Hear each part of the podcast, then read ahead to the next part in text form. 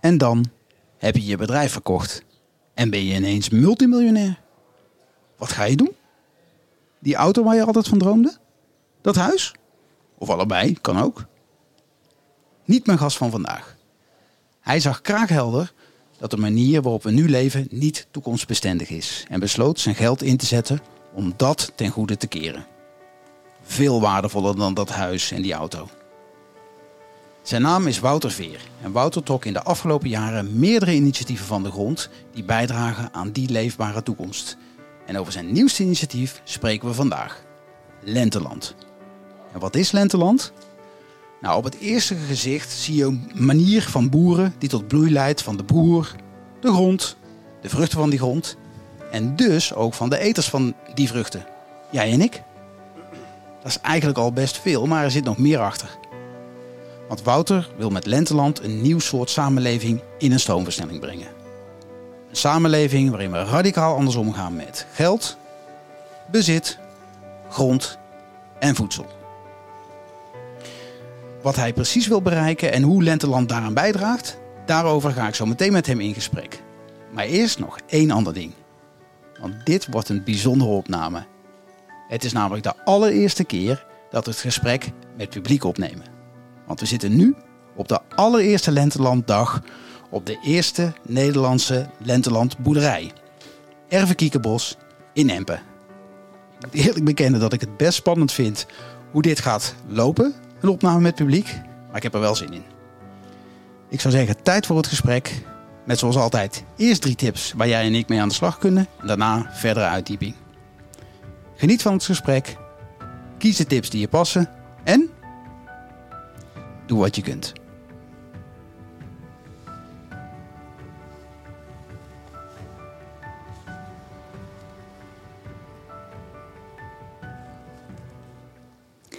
Ja, Wouter, daar zitten we.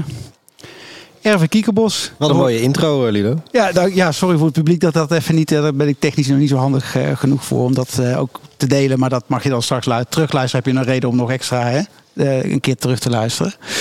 Misschien wel leuk. Misschien wel leuk als het publiek zich even laat horen. Vind je er zin in? Woe, yes. Ehm, ja joh, laten we meteen beginnen met een vraag wat mij betreft, Wouter. Ehm, waarom is het belangrijk dat die zelfvoorzienende gemeenschappen er gaan komen? Waar jij met Lenteland naar streeft? God, dat is een hele grote vraag. Ja, Ja. Ehm, ja, ik vind grote vragen altijd lastig. Dan probeer ik ze even in kleinere vragen op te delen om een beginnetje te vinden. Maar god, waarom is dat belangrijk? Nou ja, Ja, of is- hoeveel het mooier is- wordt Nederland land het is voor zoveel dingen belangrijk. Het is, het is bijna te veel om op te noemen. Het is belangrijk, denk ik, voor mensen om weer een gevoel van verbinding te krijgen met andere mensen om zich heen, met een stuk grond in de buurt, met een boer die het eten voor ze maakt. Het is belangrijk om weerbaarder te zijn voor alle, ehm, nou, laten we zeggen, transities eh, die op ons afkomen, alle problemen die op ons afkomen. Het- nou, laat ik daar even bij, bij, bij houden. Oké. Ja. Oké, maar, dat- en, maar wat, levert, wat levert het ons als gemeenschap, als Nederlanders met z'n allen, eh, of alle wonenden in Nederland op? Daarmee, want dan heb je dus meer verbinding, maar dat het ook meer, is dat de reden om het te beginnen, om meer samenhorigheid zeg maar ook te creëren? Want je had het ook over meer gezond eh, eten en dergelijke. Ja. Ehm, ja, we duiken er gelijk middenin. Ik, Ja. ik dacht, we, we bouwen even de, Oh, de, de vragen langzaam op. eh, Maar ehm, Jo, alles komen we er eh, later ja, op. ja, dat dat, is denk goed. ik wel. Ja, Ja, ja. oké. Een vast onderdeel van de podcast is altijd drie eh, concrete tips. Hè, waarmee de luisteraars en ik ook eh, nou, morgen en misschien zelfs al vandaag aan de slag zouden kunnen gaan. Heb je er een paar? Ja, die, die vraag had je me van tevoren gesteld. Ik heb er even over nagedacht. En ehm, ik denk dat die tips dan voor mij niet zo, zeer, niet zo snel op het gebied van regeneratieve landbouw zitten. Want ik ben niet een expert in permacultuur of bodemleven of dat soort dingen. Ik ben meer een generalist, een ondernemer. En dat is ook, denk ik, weet je, wat, wat mijn eh, cv tot nu toe karakteriseert. Ehm, ondernemen, dingen beginnen. Ehm, en ook dat, dat is ook het stuk dus wat ik nu probeer een beetje binnen die regeneratieve landbouw eh, te, te, te brengen. Mhm. Ehm, en nou ja, een, iets wat, wat, wat mij altijd helpt, ehm, is een uitgangspunt kiezen, een bepaalde manier van kijken. Dus dat is even zeggen tip 1. Tip Ehm, 1, manier van kijken. ja. Vertel.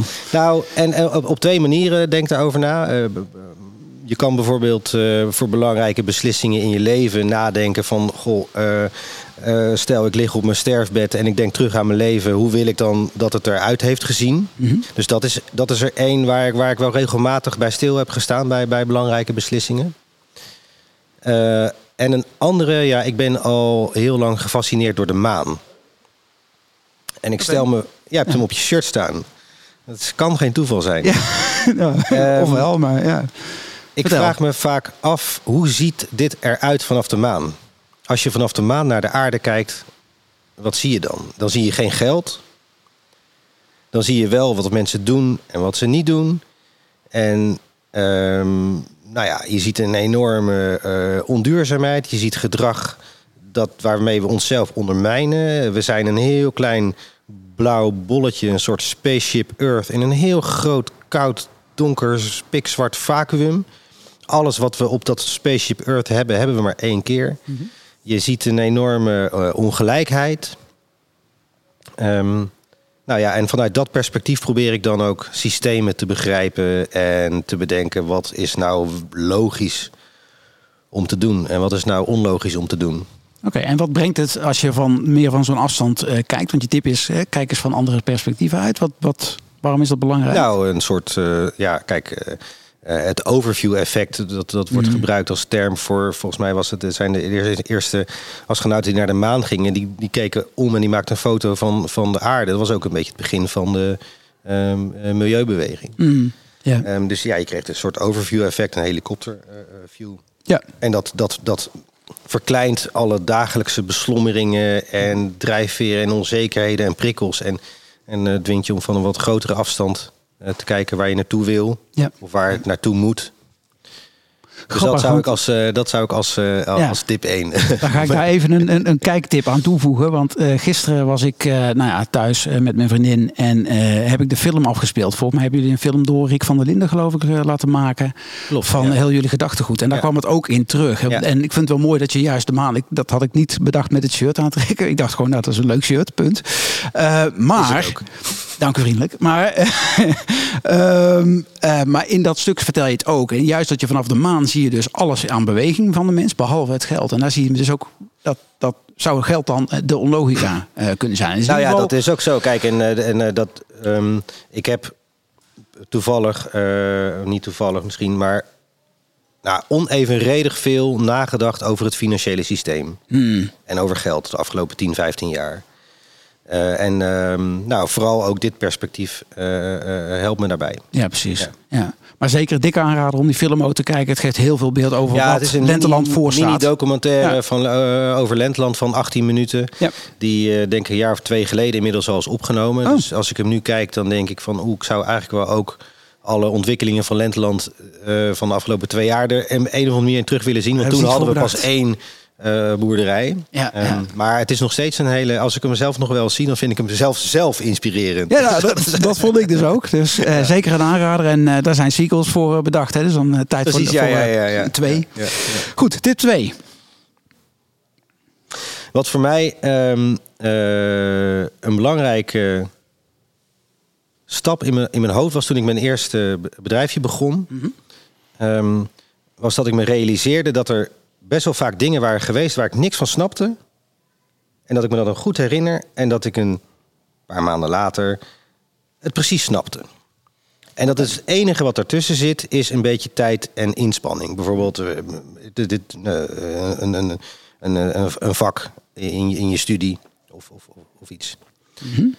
En toen dacht ik, hé, hey, als dat zo is, dan betekent dat dus dat de dingen waar ik nu niks van snap, dat, dat ik eigenlijk alleen maar, eh, dat ik er niet bang voor hoef te zijn. Ja, ja.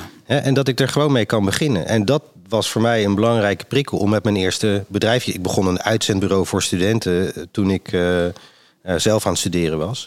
En mensen Ja. om me heen zeiden, ja, maar dat kan toch niet zomaar? Waarom zou je dat nou doen? Of als je, moet je dan niet eerst twee jaar bij Randstad werken als je dat, als je dat wil gaan doen? En ik dacht, ja, Met die paar maanden ben ik er ook, dacht je.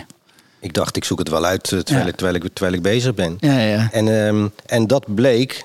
Eh, dat is natuurlijk, als ik het zo zeg, dan denkt iedereen van ja, dat klopt, dat is waar. Maar ik voelde dat echt en ik ging het ook doen. En toen dacht ik van, oh ja, zie je wel, het, het werkt. En dan, en, dus je, je gaat dat dan ook steeds meer zien en geloven. En je wordt steeds minder bang voor dingen die je niet kan of niet snapt. Ja, precies. En je denkt steeds meer van, nou, kom maar op, eh, we zoeken het Ja. wel uit en we gaan het gewoon doen. Ja. En dat is denk ik, hè, ik kan heel veel praten over ondernemerschap. En eh, nou, een een paar zinnen die ik daar vaak zeg is... ondernemers hebben op een bepaalde manier een bord voor hun kop... en oogkleppen op. En ze overschatten wat ze zelf allemaal aankunnen. En ze onderschatten eh, eh, hoe moeilijk eh, iets is. En daarom beginnen ze gewoon. Ja. Ja. Maar ja, dat heeft daar natuurlijk allemaal, allemaal ook mee te maken. ja, precies. Gewoon, Dus- gewoon beginnen is eigenlijk de boodschap en niet, niet bang zijn. ja. Ja. Oké. En bij twijfel dus wel oversteken. Nou, dat is er nog zo eentje in die categorie. Dat is inderdaad een... ja. je hoort meestal die andere inderdaad. Ja. Ja, ja. Oké. Ehm, tip 3. Ik moet even opzoeken, want ik had ze opgeschreven. Wat was tip 3? Ja, ook nou, ik probeer dus een beetje in een andere, andere categorie eh, te doen. Iets meer misschien toegepast op wat we met Lenteland doen. Ja. Ehm, voordat ik met Lenteland eh, be- begon of meer in, ging, ging verdiepen, heb ik een, een permacultuur eh, jaaropleiding gedaan. Ehm, nou, ik hoop dat je luisteraars weten wat permacultuur is. Nou, als kun jij het Ehm, misschien in een paar zinnen Ja, zeggen als oh, voormalige dat- leek. moeten, moeten beginnen. Ja. Nou, het, permacultuur wordt, wordt, vaak toegepast op eh, tuinen en het ontwerp van tuinen. eh, eh, in verschillende zones. Wat moet je in welke zone aanplanten? En het gaat over inbouwen van elementen en functies die elkaar versterken.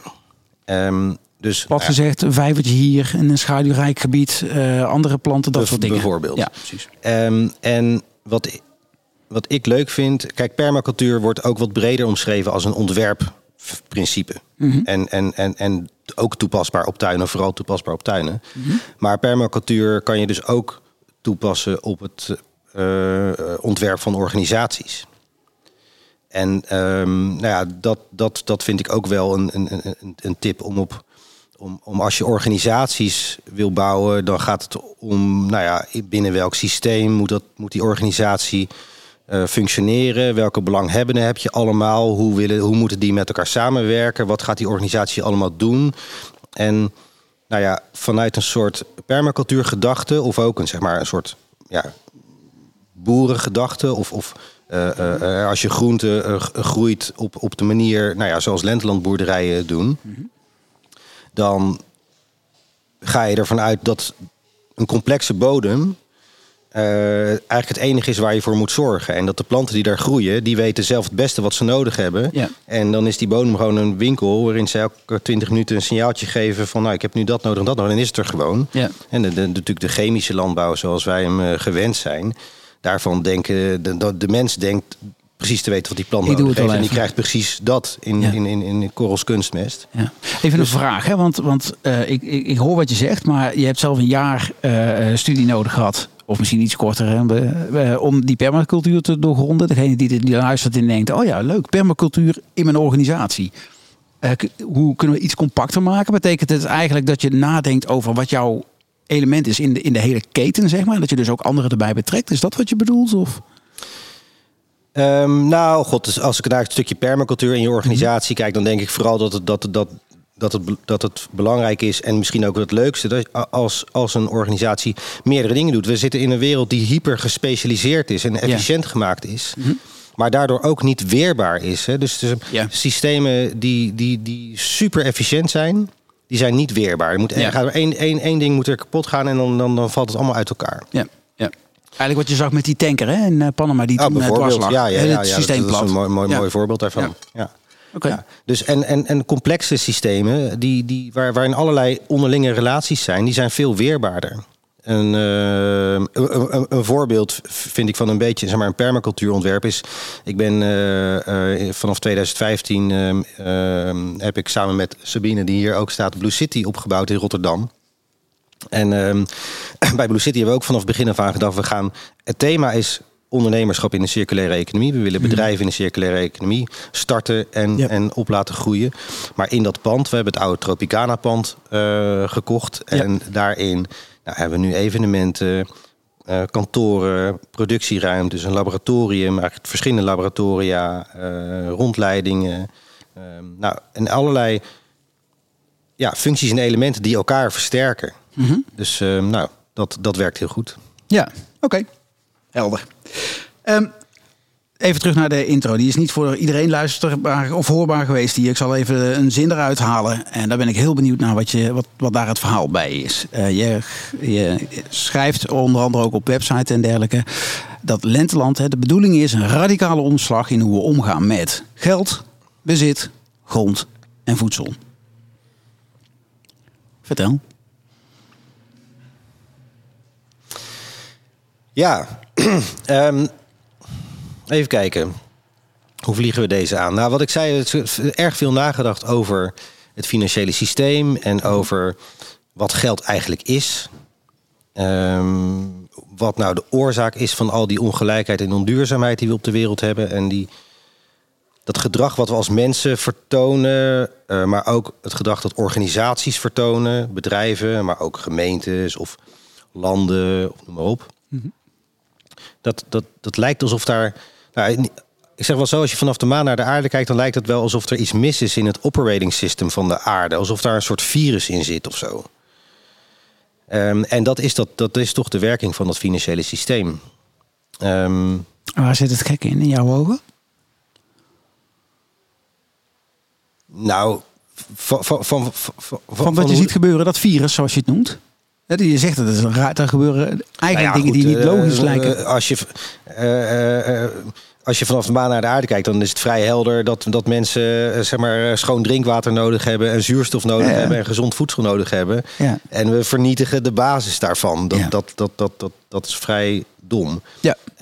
En, er, en dan zie je ook nog eens een enorme ongelijkheid. Eén kant van de wereld waar we het fantastisch hebben en waar we allemaal eh, producten gebruiken die we gelijk weer weggooien. En aan de andere kant van de wereld waar mensen het vreselijk hebben. En daar maken ze al die, al die producten en er blijft een enorme vervuiling achter. Ja. Dus er zitten verkeerde prikkels in. Mhm. Eén prikkel bijvoorbeeld eh, vind ik eh, rente. Ehm, Geld is in de basis natuurlijk een verplichting. Jouw geld is een verplichting van de rest van de wereld aan jou om jou een bepaalde hoeveelheid goederen en diensten te leveren.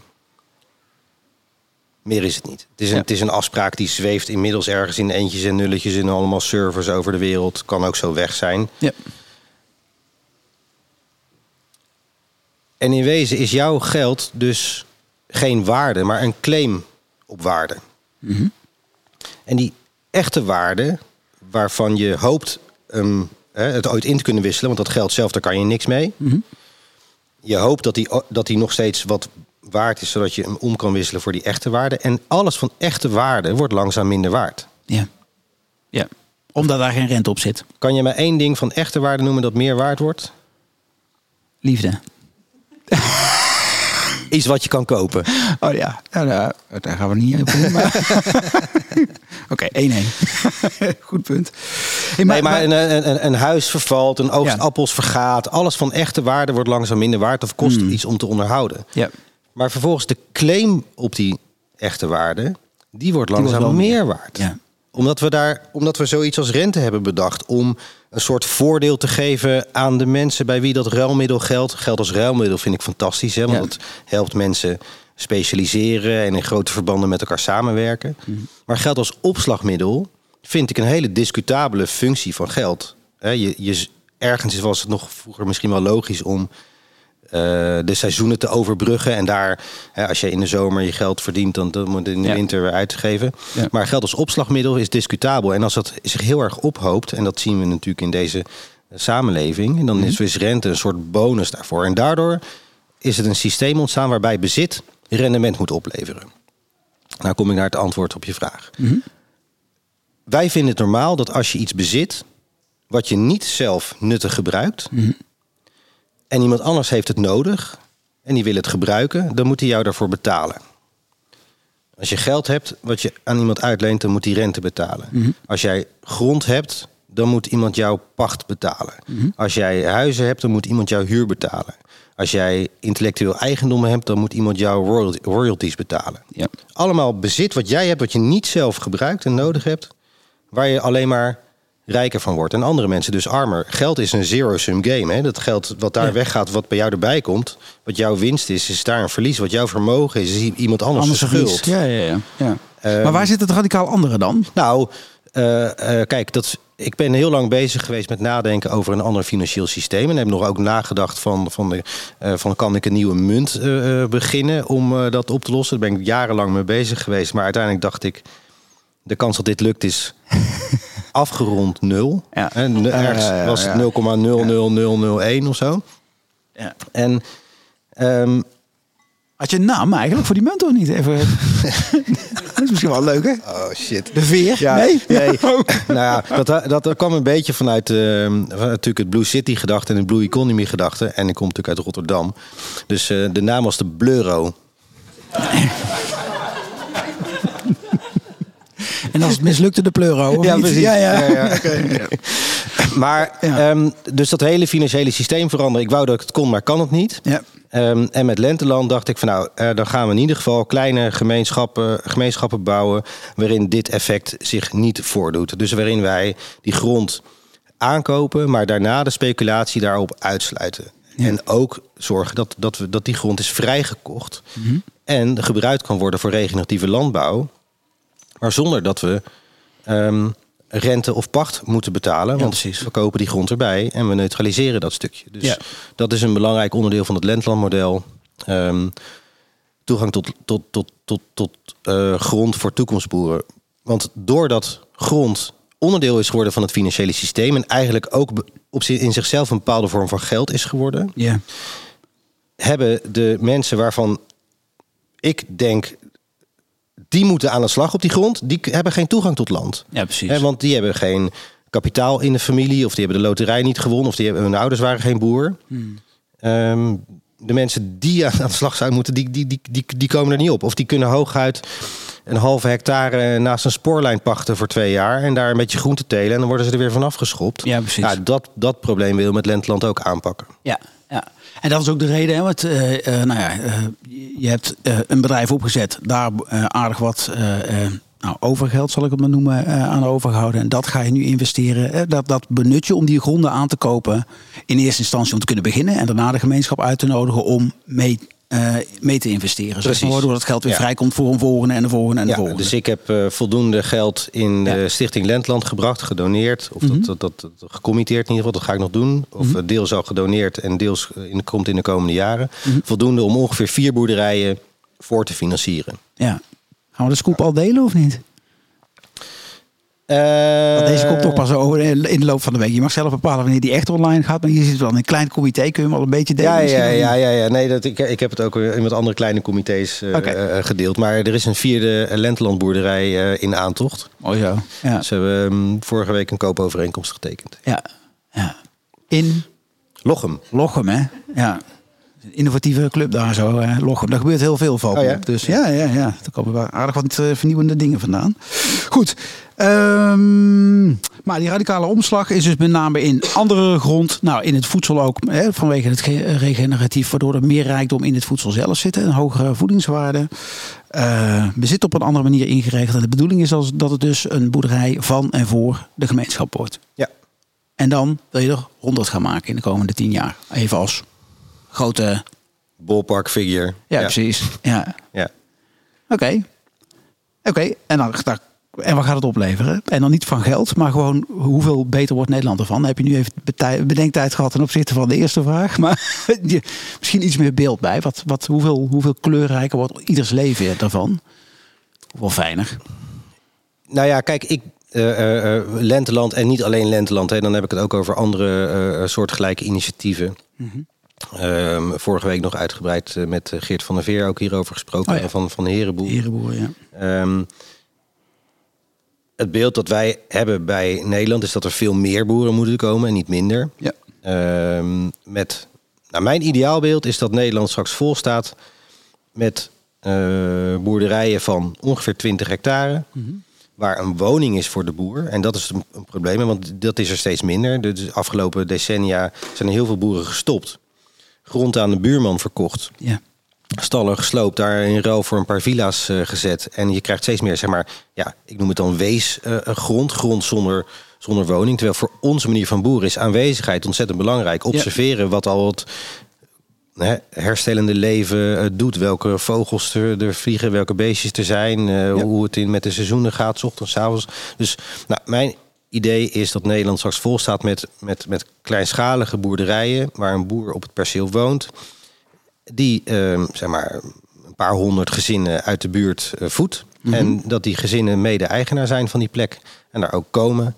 En ehm, weten wie daar nog meer klant zijn. Die boer kennen, die grond kennen.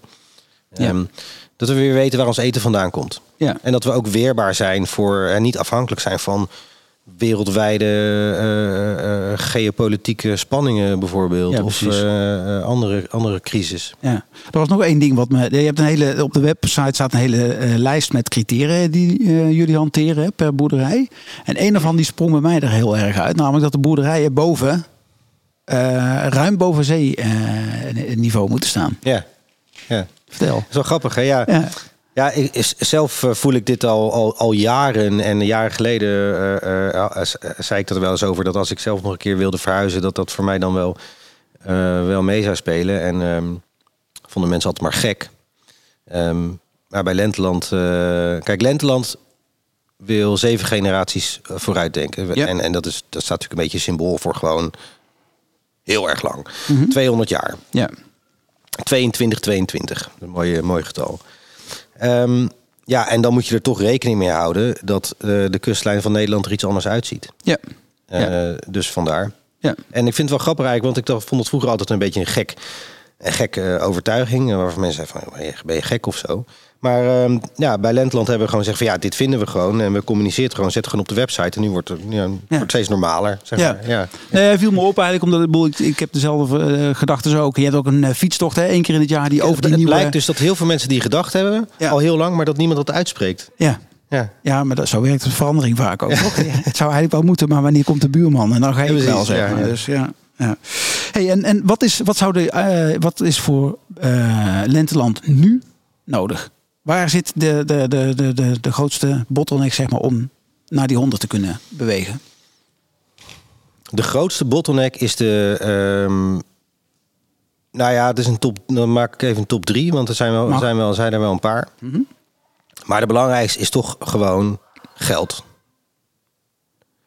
Financiering. Lenteland is ook vergeleken met, met, met andere modellen een kapitaalintensief model. Eh, wij hebben per boerderij toch 2,5, 3 miljoen nodig gemiddeld. Sommigen die kunnen misschien voor anderhalf miljoen. Anderen misschien wel 4 of 5 als ze heel, heel groot zijn. Maar gemiddeld verwacht ik zo 2,5, 3 miljoen. Dat komt omdat wij die grond willen kopen. Omdat wij die grond uit de speculatie willen halen. En ehm, niet afhankelijk willen zijn van een, van een, van een verpachter of, of, of iets. Zodat we die ook die zeven generaties kunnen garanderen. Ja. Dat betekent dat er veel geld in moet. Maar dat betekent ook dat het geld dat erin gaat een hoge zekerheid heeft. Ja. Dus ehm, de mensen die mee investeren, die, die, die, die, die krijgen daar ook een stukje zekerheid mee. Want daar zit gewoon grond onder. ja, precies.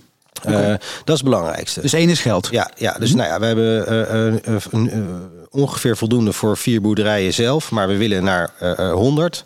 Ja, reken maar uit. Ja, meer 100 keer 3 miljoen. Ja. Eh, nou, we moeten de komende eh, 10 jaar 300 miljoen financieren. Nou hebben we een leuk publiek om ons heen, maar dat denk dat we nog iets meer nodig hebben. Ja, ja, ja.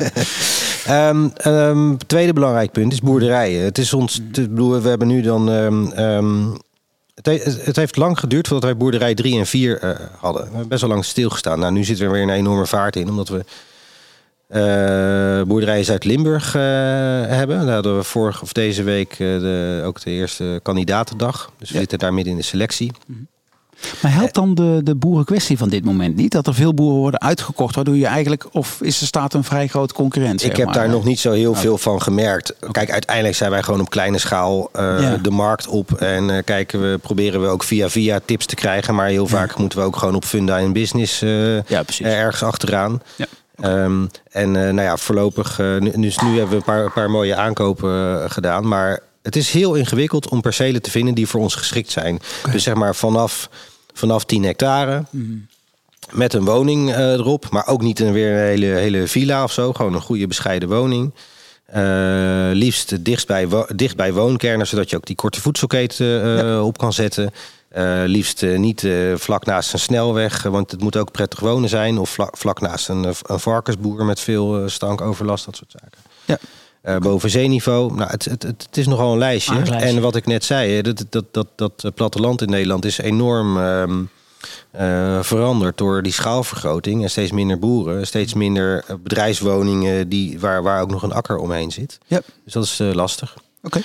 En de derde? Eh, boeren. Eh, dus de, de type boeren dat wij zoeken zijn toch zijn, zijn, ja, dat zijn niet de, eh, de ex zeg maar, veehouders en akkerbouwers, maar dat zijn toch wat meer mensen die bijvoorbeeld naar de warme onderhof gaan of die een permacultuuropleiding hebben gedaan en die eh, zich heel erg in regeneratieve landbouwen en eh agroforestry en voedselbossystemen eh, verdiepen. Maar als er een ondernemende veeteeltboer komt en die zegt... joh, ik heb iemand horen vertellen dat je binnen drie maanden... een nieuw eh, vakgebied zeg maar behoorlijk eigen kunt maken. Eh, wat dan? Als hij dat wil, Ja. het is geen disqualificatie Nee, dat je ooit veeboer bent geweest Nee, natuurlijk. nee, nee. Nee. Check. Ja. Ehm, Oké. En eh, het lastige daarbij is, is dat, dat, er, dat er een hoop mensen eh, eh, tussen zitten die zeggen van ja, ik vind het, het lijkt mij heel mooi om zoiets te doen. Die hebben de Biggest Little Farm gezien en denken, Ja, oh wat een prachtig romantisch beeld, dat wil ik ook wel. Maar dat is dus een overromantisch beeld. En wij zien wel dat, dat, dat stevig ondernemerschap ontzettend belangrijk is om zo'n bedrijf eh, van de grond te trekken. Ja. Dus eh, eh, het is lastig voor ons om voldoende aanwas eh, te hebben. Eh, nou ja, lastig. Tot nu, tot nu toe lukt het. Maar als wij naar 100 boerderijen gaan, dan, ehm, dan moet er ook nog wel heel wat geleerd worden bij de jonge boeren. Ja, precies. Oké, helder. Het is misschien een mooi moment om over te gaan naar de vraag van een ander. Eh, ehm, ik eh, stel altijd drie, eh, of ik benader drie mensen, die heb jij zelf ook aan mij aangereikt. Heb ik allemaal gevraagd van, joh, heb je een vraag die je zou willen stellen? En Dirk is degene die in de uitzending zit voor het publiek. Daar op dat bord links staat de vraag. Duurt even iets langer voordat hij hem uitgesproken heeft, maar dan heb je de outline. Zometeen komt het antwoord. Komt-ie. Hoi Wouter. Ehm, ja, een vraag die ik je wel wil voorleggen is, eh, heeft ermee te maken dat we allebei proberen om eh, radicale transities te versnellen eh, vanuit een soort existentiële urgentie. En daar komen we een hele hoop mensen tegen die we op de een of andere manier toch mee moeten zien te krijgen. En we hebben daar allebei een andere strategie in. Ik probeerde met zachte hand ze tot zelfinzicht te brengen. Ehm, jij hebt daar een iets andere aanpak in en visie op. Ehm, dus mijn vraag is eigenlijk, hoe ga je nou om met eh, de mensen vanuit het systeem die compleet die urgentie missen, maar ook de potentie van radicale transities niet zien? Eh, geef je ze op? Eh, ga je ze dwingen? Denk je negeren? Ehm, ja, dus hoe kijk je daarnaar? Ja, ehm, nou ja, dat is inderdaad een verschil tussen, eh, eh, eh, tussen mij en Dirk, ook vanuit de, vanuit, vanuit de rol die we hebben. Ehm, ja, kijk, ik ben een ondernemer en, en ik heb een, een idee en, en ik schrijf dat op en ik, en ik begin. En dan hoop je dat er mensen dat idee mooi vinden en erbij aansluiten. Nou ja, ik, ik, ik, ik, ik krijg er soms echt kippenvel van om te zien hoe dat met Lenteland aan het gebeuren is. Vandaag ook weer ruim 150 mensen hier op deze dag. En niet alleen Lenteland, er gebeurt zoveel eh, in deze wereld van eh, regeneratieve landbouw en permacultuur. Ehm, ik, maak me, ik ga niet de discussie aan met mensen die hier helemaal. Ja, ik bedoel, als ze, als ze voor me zitten en we hebben een leuk gesprek, dan kan je daar een leuk gesprek over hebben. En dan ben, dan ben ik geïnteresseerd in waarom mensen eh, de mening hebben die ze hebben. Maar ik krijg er geen energie van om mensen te overtuigen die er nog helemaal niet klaar voor zijn. Ehm, er zijn genoeg mensen die deze transitie mee willen helpen eh, opbouwen. Nou, laten we het dan daarmee gaan doen. Ja, precies. Ja. Dus eigenlijk degene die in die aanstand staan, daarmee zo, Ja, zo snel mogelijk zoveel mogelijk meters. Of dat dan eh, negeren is, eh, ja, daar komt het dan misschien wel het dichtst bij. Maar ik geef ze niet op en ik ga ze ook niet dwingen. nee, precies. Dus, Dus, ehm, verbinding overeind houden, maar aan de slag met, met ja, ja, ja, ja, ja, precies. Ja, ja, ja. Nou, mooi. Ja. Oké. Ehm, dat is wel een mooie. Ik had een vraag namelijk eh, waarvan ik twijfelde, ik, kan ik die stellen in dit eh, gesprek? Maar je begon er zelf eh, helemaal aan het begin mee. Je zei, hoe wil je dat je, hoe er over je gesproken wordt als, als je leven erop zit, zeg maar. Je hebt twee kinderen. Wat wil je dat ze zeggen over je?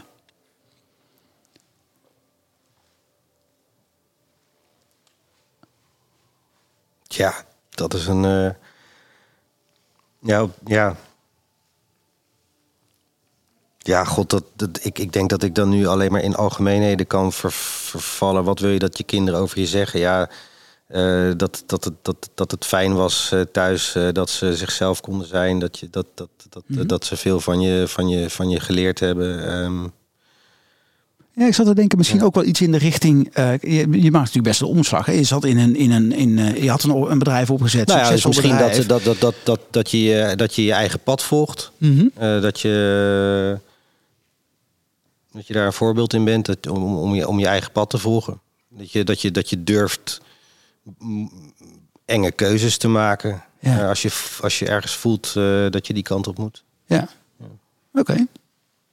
Oké.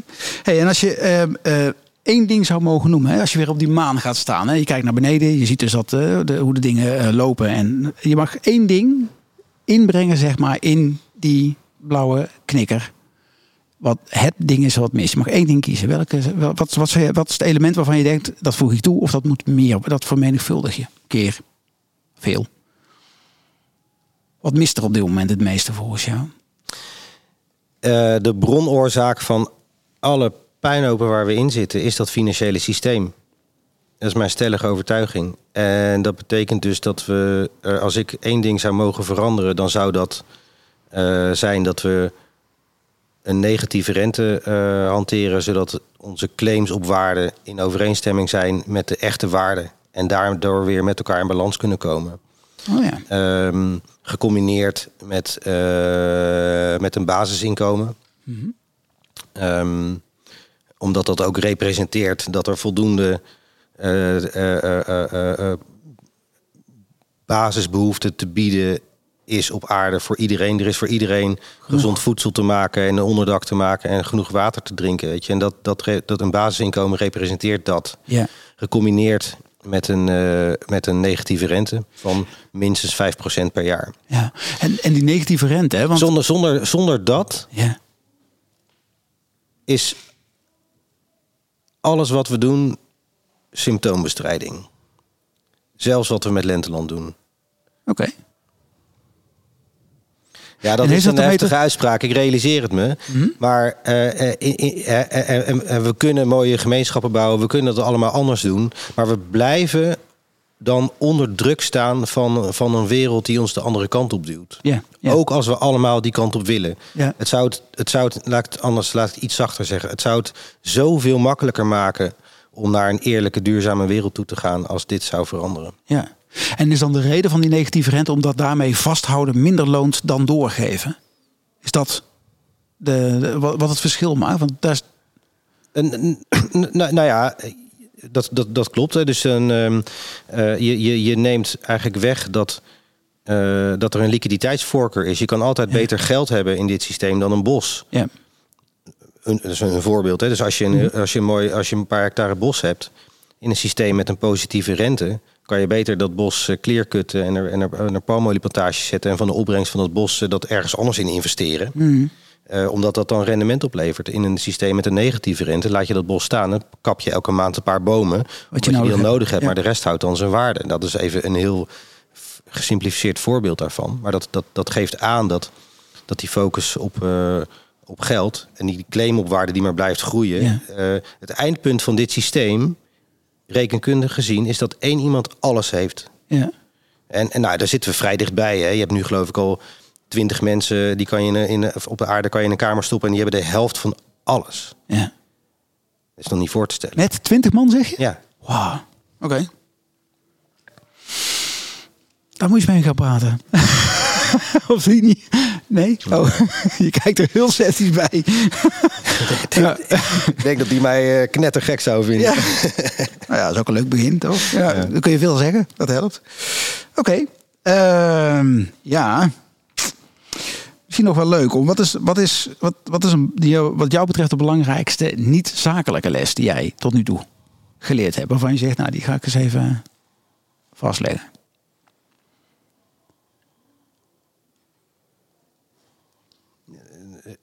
Breed. Ja.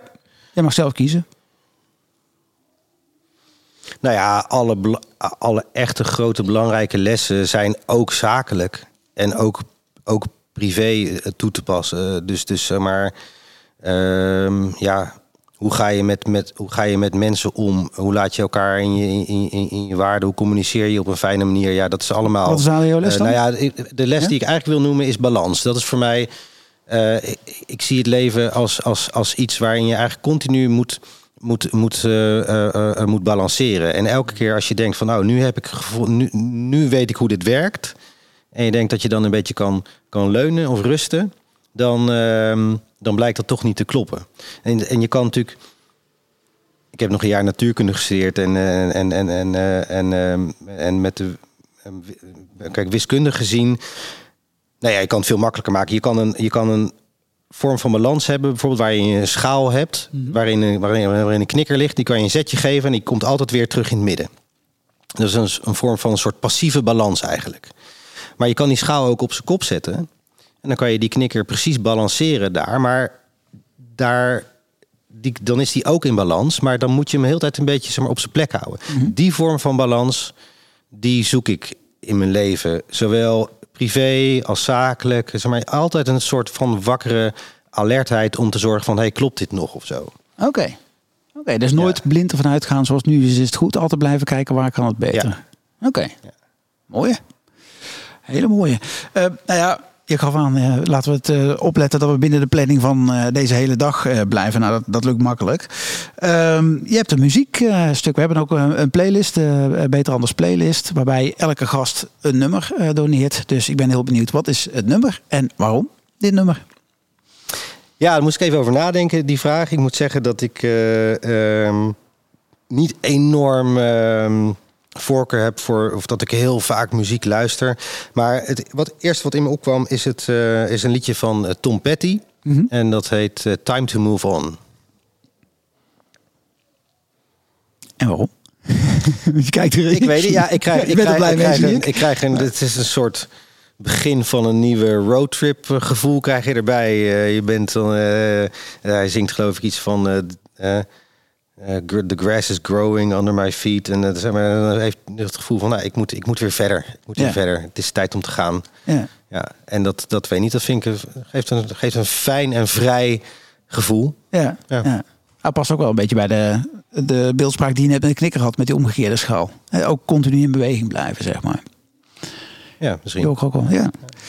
Nou, mooi. Eh, nou ja, zoals je weet, we hebben, eh, ik heb drie mensen eh, uit jouw directe omgeving gebeld. En die hebben allemaal nog een boodschap eh, voor je. Luisteraars, die krijgen het niet over een, een speaker gedraaid nu. Maar als je hem opzoekt, zo gauw die online is, dan kun je nog even terug luisteren. Er zitten hele mooie complimenten bij.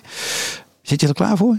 Kun je er tegen ook, of niet? Want sommige mensen hebben moeite met Nou, complimenten. Ik, ik, ik, ik, hoop, ik, hoop, ik hoop het, maar ik, ik, ik ben er bang voor. Nou, wees blij, je bent nu de enige die het hoort. Dus komt-ie. Dag Wouter, dit is Stefan hier. Eh, ik hoop en denk dat je wel weet eh, dat er maar dat in het algemeen maar weinig mensen zijn eh, die ik meer waardeer dan jij. Ehm, maar in het bijzonder zou ik mijn waardering willen uitspreken voor jouw besluitvaardigheid. Wij werken nu al bijna zeven jaar intensief samen en in die jaren heb ik je, nou ik honderden besluiten, misschien wel duizenden besluiten zien maken, zowel privé als zakelijk. Ehm, en was eigenlijk van begin af aan erg onder de indruk van hoe je, hoe je dat deed. Eh, en dat ben ik nog steeds. Ehm, ik ken maar weinig mensen die zo'n goede afweging maken tussen eh, intelligentie, intuïtie, eh, rechtvaardigheidsgevoel en empathie om tot een besluit te komen. En ja, zie dan ook dat jouw besluiten, denk ik, bovengemiddeld vaak goed uitpakken. Eh, je hebt weinig last van je ego in je besluitvorming. En ehm, ja, als het heel veel lef vereist om een bepaald besluit te maken, dan haal je een keer diep adem en dan maak je het ook. Ehm, ik waardeer zeer dat ik daar al jaren eh, ja, dicht op mag staan. Ik heb er ontzettend veel van geleerd, doe dat nog steeds en eh, ben daar erg dankbaar voor. Dat was Stefan. Hier komt Sabine. Lieve Wout, persoonlijke verhalen over je, of beter nog persoonlijke odes aan jou, zijn niet zo aan jou besteed. Dus ja, ik kan natuurlijk een enorme bak shitgrap over je vertellen. Eh, en toch zal ik het ietsje serieuzer houden. Uh, want naast mijn gedroomde wingman in Blue City ben je afgelopen jaren een heel dierbaar persoon in mijn leven geworden. We hebben vele gezichten van elkaar gezien en leren kennen. En allemaal even waardevol, want menselijk. Helaas dus geen shitgrappen. Want ik mag vertellen wat ik erg aan je waardeer. Dus bij deze. Ik zie jou echt als een heldere denker in zeer mistige tijden. Dat ben je voor mij als mede-ondernemer. Je helpt me uitzoomen en terugkomen op een logisch pad als ik het niet meer overzie. En als mens. Gewoon even een scherpe Rotterdamse spiegel over hoe ik in elkaar zit. Een proces dat meestal ergens plaatsvindt tussen een Rotterdamse kroeg of ergens op een kade aan de Maas. Waar water stroomt, net als onze gesprekken en dynamiek. Een heldere eigenschap. Het is de eigenschap die ik het meest in, in je waardeer. Je bent in staat om de dagelijkse ruis te laten voor wat het is. Meningen, gevoelens, sentimenten, visies en informatie binnen bestaande systemen en structuren kan je laten en waarderen voor wat het is. Maar je kan er ook doorheen kijken, omdat je rationeel en feitelijk kijkt en analyseert. Het maakt dat je scherper ziet dan wie dan ook die je kent, wat er echt misgaat en waar de kern zit. Je, schijnt, je scheidt symptomen van oorzaken in systemen. En je denkt ook door het plankje heen, zoals je al zo lang predikt. Ik ben je dankbaar voor dit alles en dat het altijd ergens over gaat. Direct gevolgd door een grap die echt niet meer kan. Lekker. Jeetje zeg. Ja. Hi Wouter, dit is Dirk. Uh, we kennen elkaar al denk ik 35 jaar. Uh, en daartussen zat een periode van 10 jaar verwijdering. Uh, maar in die tijd ben je altijd een, een, een, uh, een enorm goede vriend geweest. of je nou heel nabij was of ver weg. En de laatste 15 eh, jaar ook uh, voor mij niet alleen een hele goede vriend, maar ook gewoon degene met wie ik intellectueel en inhoudelijk uh, kan, samen kan optrekken om nou ja, de wereld te redden, wou ik zeggen. Maar dat is misschien wat veel gezegd. Maar in jouw geval is het natuurlijk wel dat je op een enorm inspirerende manier je hele intellectuele en financiële kapitaal als hefboom probeert te gebruiken om echt tot systeemverandering te komen. En ja, ik praat erover en ik denk erover na, maar ik heb uh, anders dan wat invloed en de titel en uh, uh, wat zachte instrumenten, niet, niet het, de hefbomen die jij hebt. En ik, ik ben ontzettend blij dat wij samen kunnen optrekken om zoveel impact te maken. En ik, heb ontzettend ontzag voor de, de, de, de compromisloosheid waarmee jij dat doet. En, en het, het principiële wat erin zit. Want dat uh, houdt mij enorm scherp. En ik uh, hoop van harte dat we dit nog jaren kunnen doen met nog veel grotere impact tot gevolg.